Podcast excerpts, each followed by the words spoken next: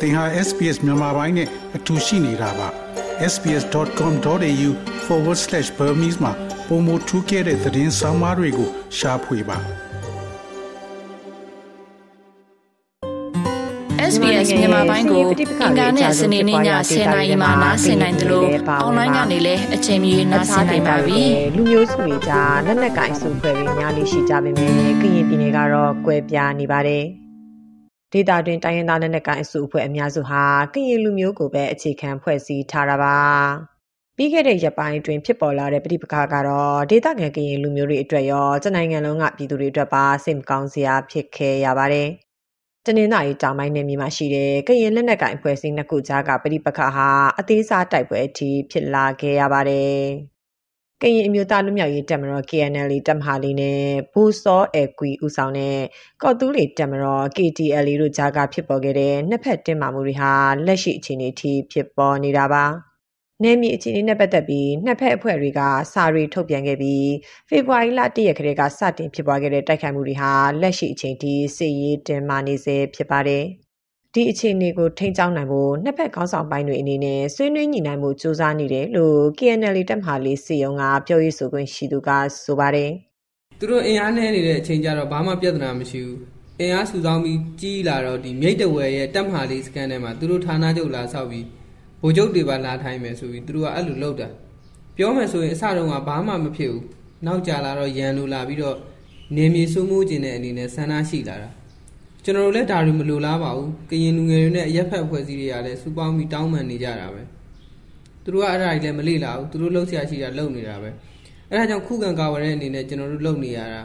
ညှိနှိုင်းမှုဖိတ်ခေါ်တယ်တိုင်ပင်ဆွေးနွေးမှုခေါ်တယ်သူတို့တွေမလာကြဘူးဘလို့မှကိုလုပ်လို့မရဘူးဘလို့ဖြည့်ရှင်းရမလဲဆိုတာစဉ်းစားလို့တော့မရသေးဘူး စီရေးပုံမတင်မာစေခဲ့တဲ့အကြောင်းအရာတချို့ကတော့ KNU တပ်မဟာလေးတပ်စခန်းပြီးမှာစခန်းအခြေလာဆိုင်ခဲ့တဲ့ KTL တပ်ဖွဲ့ဝင်တချို့က KNU တပ်သားတအုပ်ကိုလက်နက်ခဲယမ်းတွေနဲ့အတူဖေဖော်ဝါရီ9ရက်မှာလာရောက်ဖမ်းဆီးခဲ့ပါတယ်။ဖမ်းဆီးခံထားရတဲ့တပ်သားကို KNU ကပြန်ပြီးဖို့ KTL ခေါင်းဆောင်ဗိုလ်ချုပ်နေသားများထံတောင်းဆိုခဲ့ပေမဲ့ KTL ဘက်ကပြန်မပေးတဲ့အတွက်တိုက်ပွဲဖြစ်ပွားခဲ့တယ်လို့ KNU ဘိတ်တဝဲခရိုင်ရုံးကထုတ်ပြန်ချပါတယ်။ KTL ဘက်ကလည်း KNU တပ်ဖွဲ့ဝင်တွေကိုဖမ်းဆီးထားတာမျိုးမရှိတဲ့အတွက်တိုက်ခိုက်ဖို့အကြောင်းပြခြင်းသာဖြစ်တယ်လို့တုံ့ပြန်ပြောဆိုခဲ့ပါတယ်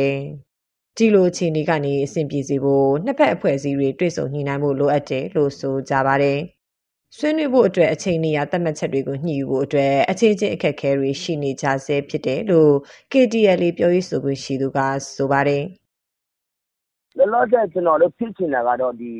ဒီစစ်အာဏာရှင်ကိုတိုက်ထုတ်ဖို့အကြီးပဲကျွန်တော်တို့ကသိတာ။ဒါပေမဲ့သူတို့အနေနဲ့တကယ်ဒီလိုမျိုးစိတ်တူကိုတူနဲ့လက်တွဲသွားမယ်ဆိုရင်တော့ပြောမယ်ဆိုရင်တော့ပိုပြီးတော့မြန်ဆန်ပိုပြီးတော့ကောင်းတာပေါ့ဗျာ။ NCA ကဟိုသူတို့လက်မှတ်ထိုးထားတဲ့အရာကဒီစကစနဲ့ပတ်သက်တဲ့အရာသူတို့ဘာမှမလုပ်မလုပ်ရှားတာတဲ့အထက်နောက်ပြီးတော့သူတို့ကပို့ပြီးတော့သူတို့ဟိုဘက်ခြမ်းကိုကာပေးတဲ့အတွက်ကြောင့်ကျွန်တော်တို့မှကြတော့ ဟိုဒီဒီတနည်းကတကြောမှာဆက်သွားရဖို့အနေထားကခဲရင်းတာပေါ့ဗျာကျွန်တော်တို့အနေနဲ့ပြောချင်တာတော့ကိုချစ်ချင်းကိုတော့ဒီဒီလိုမျိုးဖြစ်တဲ့ပြဿနာတော့မဖြစ်စေချင်ဘူးပေါ့ဗျာ။ညှိနှိုင်းဖို့သူတို့ဖိတ်ခေါ်တဲ့အခါကျသူတို့ကဘာမှအကြောင်းမပြန်လာဘူး။အခုချိန်ကတော့ကျနော်တို့အနေနဲ့တင်းထားရတာပေါ့ဗျာ။ဘယ်လိုပြောရမလဲဆိုတော့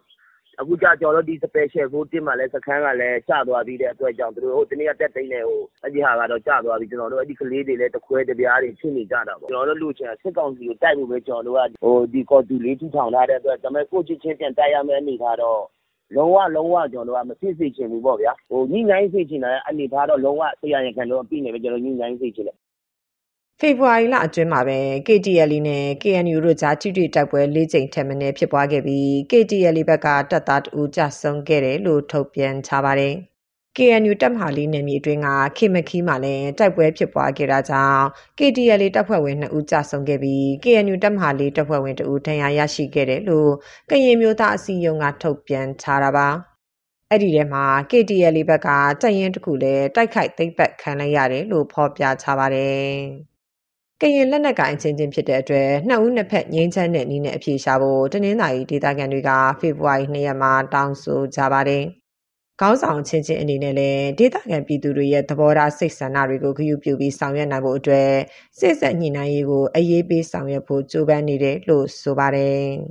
KNU တပ်မဟာ6နယ်မြေတရင်29မှာရှိတဲ့ကရင်လူငယ်စောအဲကမွေကတော့ကရင်ပြည်သူတရက်လုံးရဲ့အနာဂတ်အတွက်လက်နက်ကင်ချင်းချင်းညှိညွတ်ဖို့လိုတယ်လို့ဆိုပါတယ်။ အဒီတော့စကောင်စီလိုပဲကျွန်တော်တို့မှလည်းအကြီးပိုင်းတွေကနေရာမဖွဲ့ပေးရတာရှိတယ်။ရန်သူခွဲလို့တော့ကျွန်တော်တို့ဒီကရင်တွေကတော့ကွဲကြတာမဟုတ်ပါဘူး။ကျွန်တော်တို့အချင်းချင်းတွေပဲနားလဲမှုကွဲပြားတာတွေမဖြစ်စေချင်ဘူးပေါ့ဗျာ။အဲ့မော်အချင်းချင်းတွေပြန်ပြစ်နေတာတွေဘာမှအကျိုးမရှိဘူးလေ။အကုန်လုံးသူစုသူစည်းတဲ့အတိုင်းမှာကိုလိုချင်တဲ့ အရာတွေလည်းရမှာဟုတ်ခုဒီလိုမျိုးသတင်းတွေဖြစ်တော့ကျွန်တော်လည်းစိတ်မကောင်းဖြစ်ရတယ်နေမြေအခြေအနေကြောင့်လားဒါမှမဟုတ်ဖွဲ့စည်းကြောင့်လားဖွဲ့စည်းတွေနဲ့ပတ်သက်စနစ်မှုတွေကြောင့်လားပြီးလူပုဂ္ဂိုလ်ရေးရာကြောင့်လားတော့မသိဘူးအဲ့ဒါကြောင့်လက်နက်ကိုင်အားလုံးဒီတော့အချင်းချင်းတော့မဖြစ်စေရင်ဘောပြိပခါလေဖြစ်ရင်လည်းညီနိုင်ဆွေးနွေးစေခြင်းတယ် နောက်လာမဲ့ကရင်လူမျိုးအနာဂတ်တွေတော့ဒီဖရဲကြတော့လူကျင်တာပဲလေကျွန်တော်တို့ကြတော့ကိုဒေတာအာပေါ့ကိုပိုင်အုပ်ချုပ်ခွင့်တော့လိုချင်တယ်ဗျာခွဲထွက်ရည်တော့မဟုတ်ဘူးဗျာဒီ Federal စနစ်တိဆောက်ဖို့အတွက်တော့တိုင်းသားအားလုံးတော့ဖွဲ့စည်းအားလုံးတော့ပေါင်းတင်တော့နှစ်90ကျော်ကြာတက်တန်းရှိကြခဲ့ပြီဖြစ်တဲ့ပဋိပက္ခတွေကြားမှာကရင်လက်နက်ကိုင်ဖွဲ့စည်းတွေအဖြစ်ခွဲထွက်လာခဲ့ကြပါတယ်။ မိခင်အဖွဲ့အစည်း KNU လို့တင်စားခေါ်ဝေါ်ကြတဲ့ ကရင်မျိုးသားအစည်းအရုံးကနေ ဒီမိုကရေစီအကျိုးပြု ကရင်တပ်မတော် DKBA ကရင်ငင်းချမ်းရေးကောင်စီ KNU KNL PC နဲ့ ကရင်နယ်ကြားဆောင်တက် BGF စသဖြင့် ခွဲထွက်ပြီး ဖွဲ့စည်းခဲ့ကြပါတယ်။ကရင်လက်နက်ကင်လေးဘွဲ့စလုံး ပြန်လည်စီလုံးမှုတွေ့ဆုံဆွေးနွေးမှုတွေ အကြိမ်ကြိမ်ဆောင်ရွက်ခဲ့ပေမဲ့ဒီနေ့အချိန်ထိ ပြီးပြည့်စုံတဲ့စီလုံးမှုကို မရရှိသေးပါဘူး။ အာနာသိန်းကာလာຫນွေဦးတော်လှန်ရေးအတွင်းမှာပဲ KNU ရဲ့အမျိုးသားကာကွယ်ရေးတပ် KNDO စစ်ဦးစီးချုပ်ဟောင်းဖြစ်တဲ့ပုံမူစောနယ်တာများကလည်းယာရုကထုတ်ပယ်ခံခဲ့ရပြီးတဲ့နောက်ကော့တူးလီတပ်မတော်ကို ဖွဲ့စည်းခဲ့ပါတယ်။ဒီလိုတဦးရဲ့ဆုံးဖြတ်ချက်နဲ့တပ်မတော်တစ်ခုတီထောင်လိုက်တဲ့အပေါ် KNU ကလည်းပြင်းပြင်းထန်ထန်ကန့်ကွက်တယ်လို့ထုတ်ပြန်ကြေညာခဲ့ပါတယ်။ KNU နဲ့ KTL ကြားကစစ်ရေးတင်မာမှုဟာကရင်လူမျိုးတွေအတွေ့ထိခိုက်နစ်နာလာနိုင်တယ်လို့ပအိုးလူမျိုးရေးအဖွဲ့ PNL လို့ဥက္ကဋ္ဌခွန်ဥက္ကာကဆိုပါတယ်။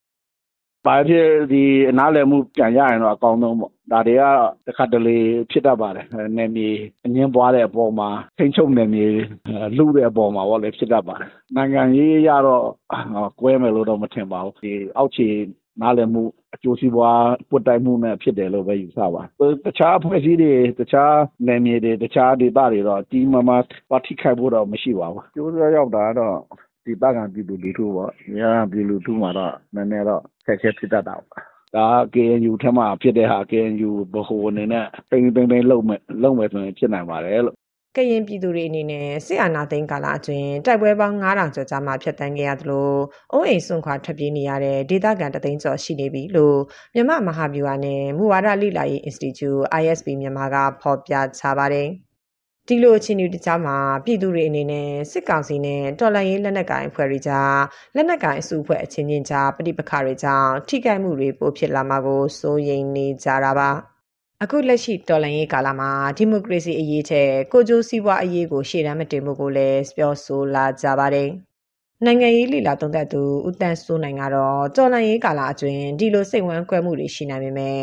တိုင်းရင်းသားလက်နက်ကင်တွေရဲ့စစ်ကောင်စီကိုဖိအားပေးနေတဲ့အင်အားကလျော့သွားမှာမဟုတ်ဘူးလို့သုံးသပ်ပြောဆိုထားပါတယ်။ဒီမျိုးဘဝနဲ့ တမဟာတခုချင်းကိုဆုံးဖြတ်ပေးဖို့အခက်အခဲရှိပုံရပါတယ်။ဆုံးဖြတ်မှားသွားရင်လည်းဗိုလ်ချုပ်နဲ့သားများတို့လို PNU ငေါစုတခုထပ်ပေါ်လာနေတဲ့အခြေအနေရှိတဲ့အတွက် PNU ဘိုးအနေနဲ့ဒီကိစ္စကိုတိတိကျကျကန်ကြဖို့ခက်တဲ့အနေအထားပါ။ဘယ်လိုပဲဒီကြားထဲမှာဒီပကားတွေရှိရှိစစ်တော်စီလုံရေးတပ်ဖွဲ့တွေပြန်လည်တိုက်ခိုက်တဲ့နေရာမှာတော့အရေးပါတဲ့အင်အားတရားဖြစ်ဆက်လက်ရှိနေတယ်ဖြစ်ပါတယ်။မြို့တော်ဟန်ရေးနဲ့ဆက်ဆက်လှုပ်ရှားနေတဲ့အနေအထားကတော့ ပြိုပြတ်မသွားနိုင်ဘူး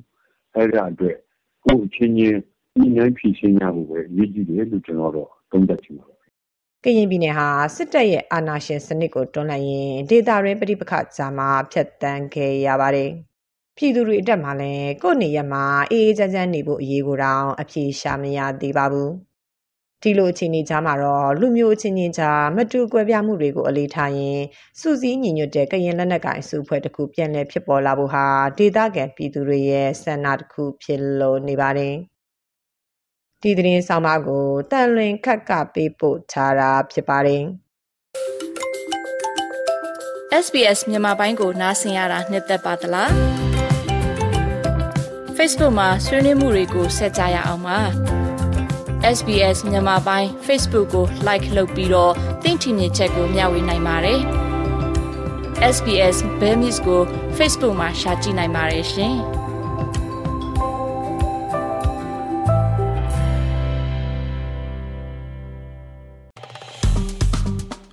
SPS မြန်မာပိုင်းကို Facebook ပေါ်မှာ like ရှာပြီး like မျှဝေမှတ်ချက်ပေးပါ